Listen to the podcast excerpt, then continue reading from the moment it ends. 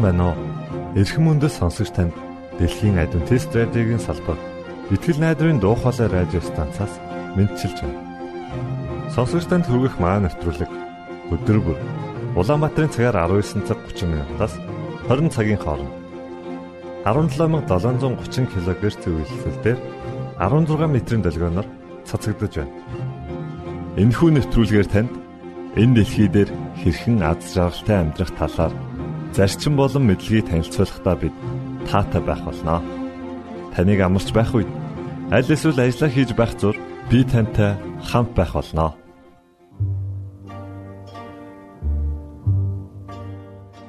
Өнөөдрийн нэвтрүүлгээр танд итгээд даг хэмэх сайхан дуу хүргэж байна. Үүний дараа та өөрийгөө байлдан дагуулагч болгон хөгжүүлэх хэмэх сурал нэвтрүүлгийг сонсох болно та бүхэн таалан сойрхноо.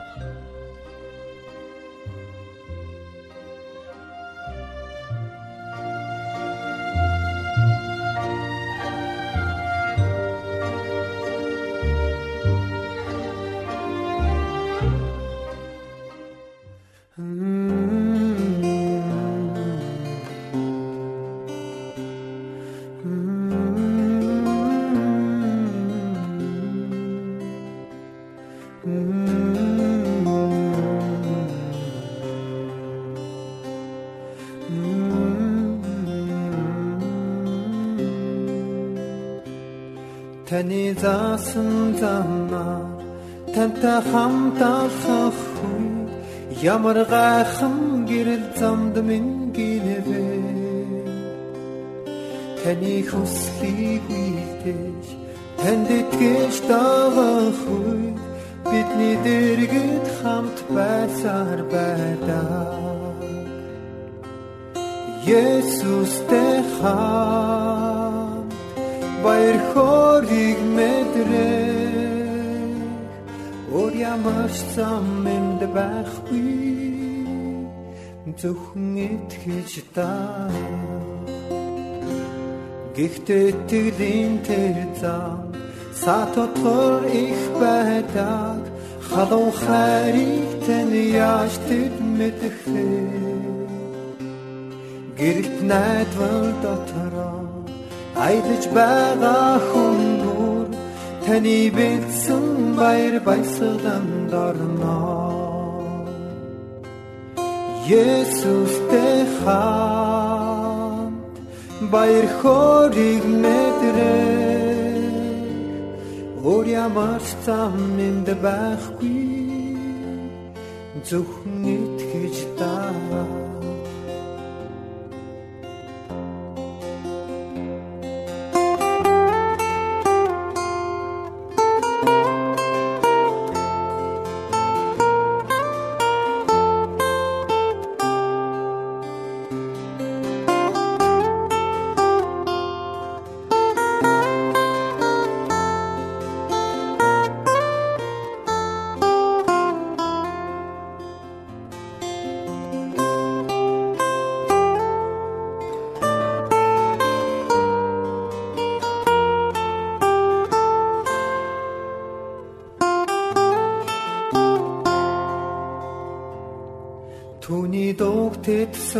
сонсоод түүний хөл суух болно. Тэгээд эргдэн алхаж ярилцах болно. Ямар ч айдасгүйгээр таны хүслийг биелүүлж зөвхөн танд итгэж таныг дагна. Есүстэй хаа баяр хориг Өөр ямар зам энд байхгүй. Есүстэй хаа баяр хориг мэдрээ Өөр ямар зам энд байхгүй. Зөвхөн итгэж та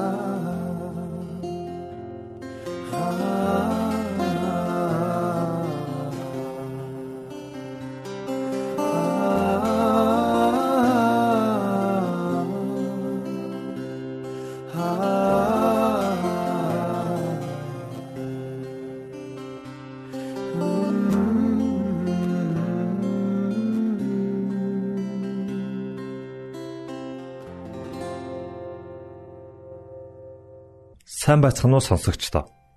Өөрийгөө байлдан дагуулагч болгон хөгжүүлэх цоврал нэвтрүүлгээр эргэн уулзж байгаадаа баяртай. Бид таван зарчмыг судалж буйлаа. Энэ удаагийн зарчим бол лантуун зарчим буюу дөрөвдүгээр зарчим.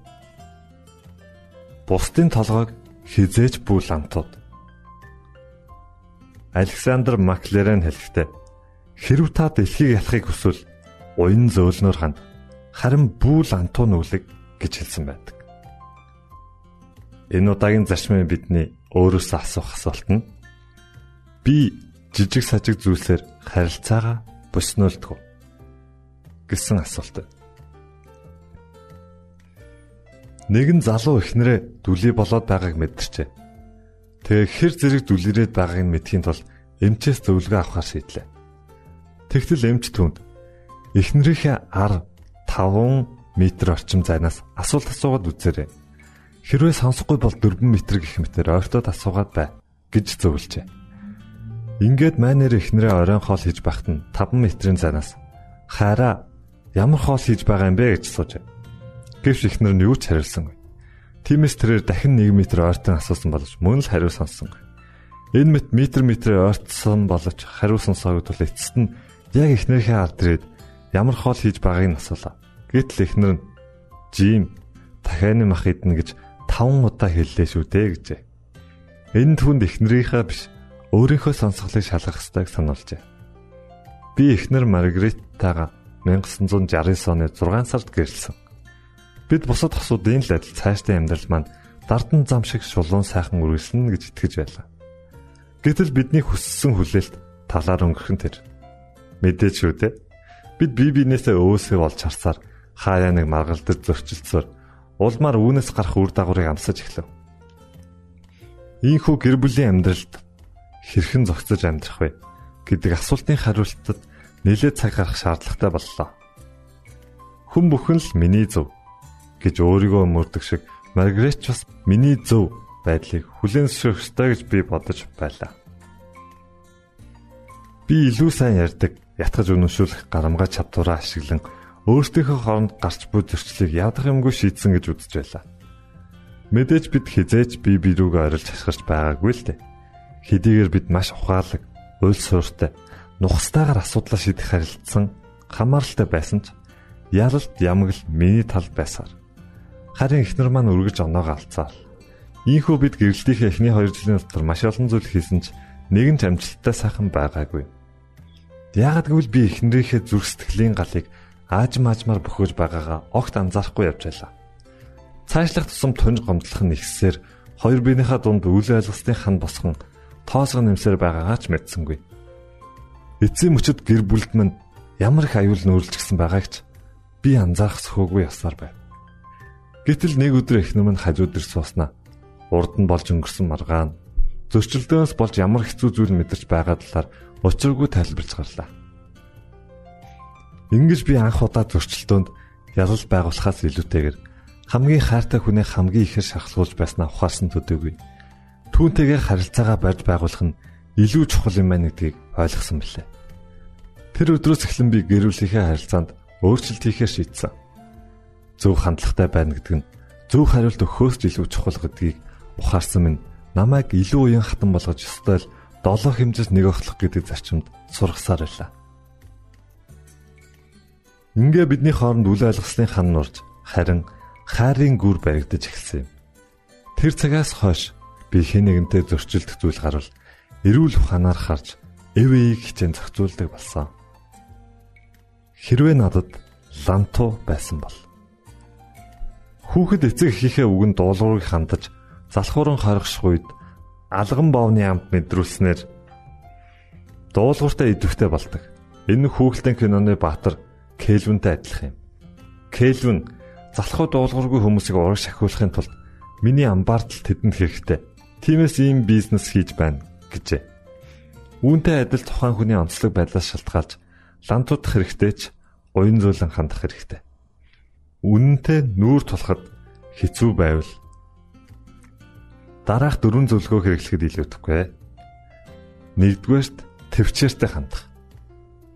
40 иргэм насны нэгэн хүн зоогийн газар оронгота шуудхан л зөөгчдөр очиж танаа зогсуулга намдах ямар нэг юм байна уу гэж асуулаа. Зөөгч үгийн зөрүүгээ шууд л найлтан алтчаар аван залуугийн нүрөө чулууд. Гэтэл өнөөх нь лантууд болсон юм шиг хөөе чи чинь яаж байна гэж гайхсан янзтай асуутал худалдагч инээснэ. За харда та зогсгоо болчихсон тийм үү? Гэтэл залуу би ийм арга байдаг гэдгийг мэдээгүй юм байна. Эхнээсээ ч гэсэн асуусан боловч тэр машин дотор суугаад үлдсэн гэжээ. Тимээс хүмүүсийг асуултаа асууж дуусгаас өмнө лантуу мэт хариулт өгөхөөс хамгаалахын тулд өөрийгөө сурга. Хэн нэгэн өөрийг өөрийн санааг надтай хаваалцах үед би дараах зүйлийг баримталдаг. Сонсдог, асуулт асуудаг, бас дахин сонсдог. Дахин асуулт асуув. Бүр их сонсож тэгээд бас л асуудаг. Тэгээд хариулт өгдөг. Би хэдий ч нэ өөрийгөө нөгөө хүний оронд тавих тусам төдий ч нэ төвчээртэй илүү зөв зохистой болдог гэдгээ мэдсэн. Хоёрдугаар зөвлөгөө. Тохирсон хугацаа. Зохиолч Даан Заадрагийн бичсэн нэгэн тэмдэглэл. Чи хизээ хийх гэж байгаагаа биш, харин юу хийх гэж байгаагаа тооцоол гэсэн байна. Харин би үүнтэй санал нийлдэв. Хэрвээ генерал хүн зөв цагтаа л дайралтаа хийхгүй бол тулаанд ялагдал хүлээн. Хүн дээр өвчлсөн хүүхдээ эцэг их нь хурдхан шиг эмнэлэгт аваачихгүй бол хүүхэд үхэх ч аюултай. Хэрвээ та хэн нэгнээс уушлах үедээ л гуйхгүй бол харилцаа чинь бүр мөсөн дуусах болно. Зохиолч хатагтай Дороти Невел хэлэхдээ ярианы жинхэнэ ур чадвар нь зөв цагт зөв үг хэлхээс гадна хэлмэр байсан буруунд хэллгүүлэлтэй хийх хэлдэг хэмээн маш чухал зүйл анхааруулсан байдаг. Тийм ээ. Зөв цагт хийсэн таны үйлдэл нь хамгийн чухал юм. Мэдсээр байж хийхгүй байна гэдэг нь томоос том асуултын тэмдэг лээ. 3 дугаар зөвлөмж дууны өнгө. Өрх толгоос нэгэн эмэгтэй 3 болон 5 настай хоёр хүүхэдтэй байжээ. Тэрээр хүүхдүүдийнхээ бүдүүлэг яриаг байнга засах гэж оролдог байв. Тэгэж чадах бүх зүйлээ тэдний төлөө хийж бүр сэтгэл зүйчдэр хүртэл аваадсан боловч ямар ч нэмэр болсонгүй. Ингээд эмэгтэй арга тасарч дотроо инхүү боджээ. Ерөөсөө тэдний энэ муу зуршлыг засахгүй л бол би хинч биш болох нь. Хүүхдүүд манд үргэлжлүүлэн хараал хэлсээр байх болно. Тэгэхээр ах нарыг минь хараал хэлэх үед ээжийн хэрэглэж байсан аргыг л хэрэглэе дээ гэж шийджээ. Тэгээд маргааш өглөө болоход 5 настай хүүн сэрээд галтаараа галтоогоо руугаа ортол ээж нь Хүү минь өглөөгөнийхөө цайнд юу идэх вэ гэж асуув. Хүү ээж рүүгээ хараад жаахан жимсний чанал гэснээ хараал хэлв. Тэгтэл ээж нь түүнийг алгадаж орхитол хүү үсрээд явчихав. Гэтэл 3 настай дүү өмнө хизээч ээжигээ ийм байгааг хараагүй тул бүр алмаарч орхив. Тэгээд ээж нь түүний нүд рүү хараад "За, чи өглөөнийхөө цайнд юу идэх вэ хэмээн нилээж хэрүүн дуугаар асуудал хүүгийн нүдэн дохон дээрээ гахшгаж та тоглоогүй болтой гэд хараал хэлснэ. Би дахиж хараал хэлэхгүй гэж хариулжээ. Хэрвээ хэн нэгэн тань руу хашгичж уурлвал хариуд нь ээлдэг намуунаар хандаарай. Хэдийгээр тэр хатуу хүн байлаач зөөлөж тайван болох болно. Бидний үүгээр анаас илүүгээр хүмүүс бидний хандлага, үйл хөдлөлт хариу үйлдэл үзүүлдэг. Мөн их их жижиг сажиг маргаан бидний дуу хоолой өнгнөөс шалтгаалan үүсдэг. Нэгэн мэрэгэн сургаалт намун зөөлөн өгс уур хилэн дамжаадаг бол Хүйтэн хөндөй өгс уур хилэн асаадаг гэж хэлсэн байдаг. Та үүнийг туршиж үзэж болно шүү. Дөрөвдүгээр зөвлөмж хандлагын хэм хэмжүүр. Төргөн ортой хүн яг л бөмбөг тесрэгтэй адил байдаг бөгөөд зүү шийдвэл зөрүүлээд тэвэн шиднэ гэсэн хандлагатай байдаг. Энэхүү хандлага нь түнд нэлээд бэрхшээлүүдийг авчирдаг төдийгүй тулгарч буй асуудлуудын хэмжээнээс болоод гарах шийдвэр нь хүртэл дээш доош хэлбэлцэж байдаг. Үүнийг дараах байдлаар дүгнэж болно тухайн үйл хөдлөлөөс үүдсэн хариу үйлэл нь сөрөг байвал асуудал хурцддаг. Тухайн үйл хөдлөлөөс үүдсэн хариу үйлдэл нь эерэг байвал асуудал намждаг. Миний хувьд өөрийгөө тэнцвэртэй байлгахын тулд 30 секундэд бүх мэдрэмжээ хуваалц. Тэгээд гүйцээ гэсэн сануулгах журам баримталдаг. Хэрвээ би том асуудал үүсгэхээс өмнө жижиг асуудлаа шийдэхгүй бол бусд руу лантуудахаас өөр аргагүй зурдаг. Эхнэр бид хоёр ямар нэгэн асуудал толгох үед бие биедээ тусалдаг. Хүүхдүүд маань жаахан байх үед би тэдэнтэй зөрчилдөх зүйл цөөнгүй л гардаг байлаа. Тэр үед бидний баримтлаг байсан журам бол бид хоёр гар гараасаа барилцаж зэрэгцэн суугаад хүүхдүүдтэйгээ харилцан ярилцдаг байв. Хэрв бид хоёрын хэн нэг нь уурлал сэмэрхэн гараа атгалцсан бухимдлын хэм хэмжээ нэмэгдэж байгааг сануулж болиулдаг байв. Цаг хугацааны явцад энэ бидний хамгийн шилдэг арга болсон төдийгүй үр дүнгээ өгсөн юм. Гэхдээ энэ арга тухайн асуудал хамгийн сайн хэмжүүр болж чадсан ч өөр асуудал өөр аргыг хэрэглэх үе байсан. Лантуу шидхийн оронд өршөөлийн гараа сунг. Зарим хүнд үргэлж лантуу хэрэглэх нь сайн гэж бодож магадгүй. Тэгээ та бүхэл амьдралынхаа турш ямар нэг юмыг нүдэж амьдрах, амьдрах нь гэж хэлэх байх. Харин энэ хандлага нь нөгөө хүнээс нэлээд өндөр хэрэгжүүлж шаарддаг. Тэр ямар нэгэн зүйлд анхаарлаа хандуулахын тулд яг л хан өрөмдөж байгаа юм шиг төвлөрөх хэрэгтэй болдог. Эргээд энэ нь сайн хандлагыг төлөвшүүлж болно. Гэвч хүмүүсийг үргэлжл балбаж нүднэ гэдэг үнэхээр хэцүү бэрх арга юм. Сэтгэл зүйч Абрахам Маслов таны гарт зөвхөн лантуу байвал бүх асуудал хадаас шиг харагцаар байх болно гэжээ. Тиймээс бусдыг лантуудаас илүү эрүүл харилцаа арга замыг олох хэрэгтэй. Хэрв та хүмүүсийн сэтгэл төрх арга хөгжүүлэхийг хүсвэл дараах зөвлөгөөг өөрийн зүрхэнд оруулаарай. Өнгөрсөн зүйлийг өнгөрсөнд нь үлдээж сурах. Хоёроор эхнэрүүдийнхээ талаар нэлээд гомдлжээ. Нэгдэх нь бид хоёр хэрэлдэхэд эхнэр маань улиг болсон түүх ярьдаг гэж л дээ. Гэтэл нөгөө найз нь үлгэр ярьдаг гэсэн үү гэж асуудал. Үгүй дээ. Бүр уйларч баларсан түүх гэж хэлээд тэр миний хийсэн буруу зүйлийг үргэлж надад сануулдаг гэж хариулжээ. Тиймээс асуудлыг тэр дорн шийдэн тухайн цаг үед нь үлдээ. Дахин дахин сөхөж өнгөрсөн цаг үеийн алдааг өнөөдөр сэргээх хэрэггүй. Хэрв та асуудлаа зөксөөр байвал хүмүүс рүү лантуу барин даарч бусдыг хадаас болгож байна гэсэн үг шүү. Миний хариу үйлдэл асуудлын нэг хэсэг. Бусдад өгөх хариу үйлдэлээ энэ надад яаж хандна? Би түүнд яг тэгж хандна гэж муугар бүү илэрхийл. Учир нь надад хандах ханд надад хандах бусдын хариу үйлдэл ямар ч байж болох тул тухайн хүнийг буруутган харлгүй харин ямар учиршилтгаан энэ хүнийг ийм хандлагатай болж байгааг олчаар үүнийг бид өвтөлтийн зарчим дээр үтсэн. Удаан хугацааны турш дурддагцаар байдаг үйл явдлуудыг сан. Та дунд сургууль төгссөн гислэгийг эсвэл коллеж төгссөн дипломоо байн байн гарган ирж дээр нь бичсэн бүхнийг дахин тавтан дооддог. Хэрвээ та гэрэлсэн бол хормын тангарага цээжээр дахин дахин уншдаг. Магадгүй энэ хоёр асуултанд та хоёуланд нь үгүй гэсэн хариулт өгнө. Гэвч таны хувьд хорим хийж байсан үе болон сургууль төгсөж байсан цаг мөчөө дурсдаг гэдэгт би эргэлзэхгүй байна. Тиймээс та бусдад хэлэх үгнээсээ илүүтэйгээр хүмүүстэй хамт байж удаан хугацааны туршиж санагцаар байх дурсамжийг үлдээ. Үүний тулд чин сэтгэлээсээ үйлдэж амьдр. Нөхцөл байдлыг харилцаанаас дээгүр хизээж бүү тавь. Өөрийнхөө нөхцөл байдлын алдаа дутагдлыг бусдад тохох гэсэн хүмүүсээр дүүрэн ертөнцид бид амьдарч байна. Хэрв би их нартэйгээ харилцаагаа барьж байхулахаас уртад өөрийнхөө үзэл бодлыг илүү өндөр тавьсаар байсан бол түүнтэй хизээж гэрлэхгүй байсан гэдэгтээ огтхон ч марахгүй. Харилцаа гэдэг бол бүх зүйлийн суурь гэж би боддог. Тиймээс бусдад харилцах харилцаагаа чухалчлах тусам төдийжнээ олон гарц боломжууд үйл харгаа нээж өгдөг. Тиймээс нөхцөл байдлыг харахаас илүү харилцаагаа барьж байгуулах нь нэн чухал. Болзолгүй хайраар бусдыг хайрл. Нөхцөл болцолгүйгээр бусдыг хайрлах сайн загвар нь өнөөгийн доройтож буй нэгэнд уламж бүдгэрч хүмүүс өөр хоорондоо харилцан хамааралгүй болсоор байна. Нисгэгч Джон Вайт бусдад хандах хандлагынхаа талаар өөрийн хүсэл зоригийг илэрхийлэхдээ бид хайр тараагчд. Учир нь хүн бусдыг хайрлах үед тэдний хизээж үзэн ядч чаддгүй. Ийхүү бид тэднийг хайрлвал альва муу зүйлс, бүтлгүүдэл, хорсол гомдол нуран ундаг.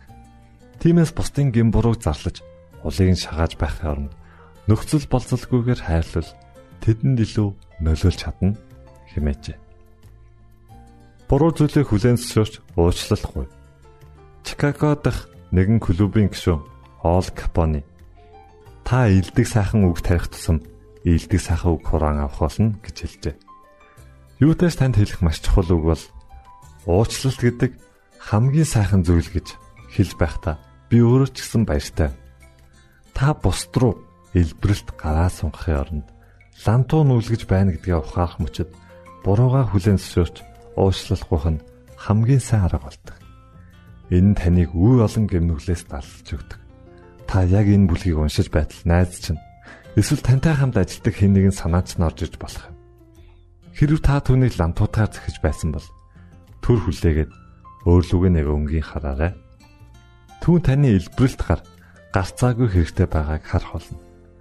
Хүн бүр тулгардаг асуудал бол тэд цаг үргэлж лантуу хэрэглэж байдаг гэдгээ мэдэхгүй л байгаа юм. Майк Хэмэх банкны хөрөнгө оруулагч залуу лантуу шидэж байсан тул үүнээс гарах гарц олохын тулд ерөнхий дасгалжуулагч Goldstein-ээс өөртөө туслахыг хүсв. Тэрээр өөрийгөө түнд гадаа бол эрэлхийг дайчин боловч гэртээ нохоо харсан муур шиг л хүн гэжээ. Тэгтэн Goldsmith хүнд эхнэр рүүгээ залгаад өөрийг нь хэрхэн дүүнж байдаг талаар асуу гэж зөв.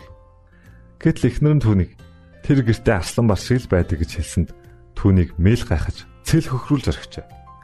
Хүүхдүүд нь ч хүртэл ээжийнхээ эснийг батлсан тул эцэст нь Майк өөрийнхөө үнэн байдлыг хүлээн зөвшөөрчээ. Ингээд Goldsmith хамаг байдаг хүмүүс чинь тойл барьсантай адил. Тэд танд харж байгаагаа л хэлэх болно. Та тэдэнд итгэхгүй байлаач үнэндээ танд хайртай учраас үннийг хэлдэг. Хэрв та үнийг үргэлжлүүлсээр байвал таны эргэн тойрны хүмүүс хадастай адил болох болно гэж зөвлөжээ.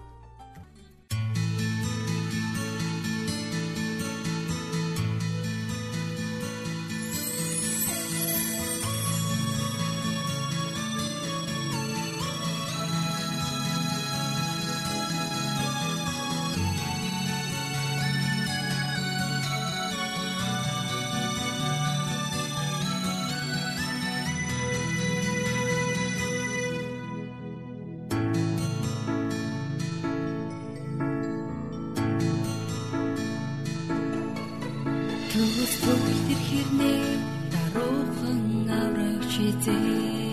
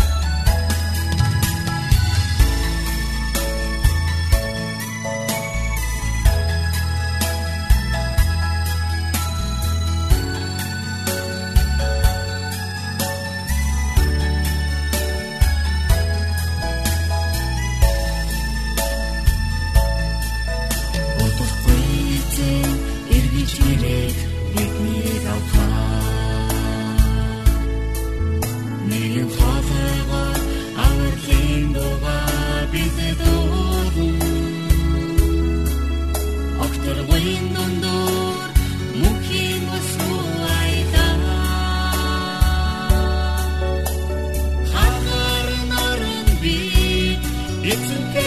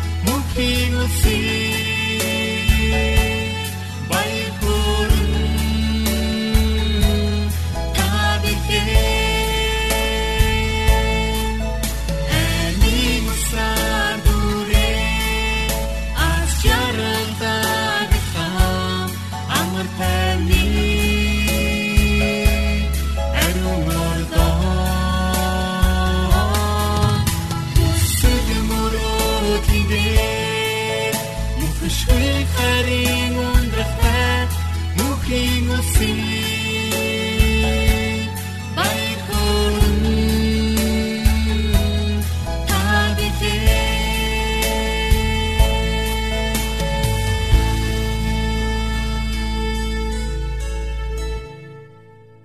найдрын дуу хоолой радио станцаас бэлтгэн хөрөгдөг нэвтрүүлгээ танд хүргэлээ. Хэрв та энэ өдрийн нэвтрүүлгийг сонсож амжаагүй аль эсвэл дахин сонсохыг хүсвэл бидэнтэй дараах хаягаар холбогдорой.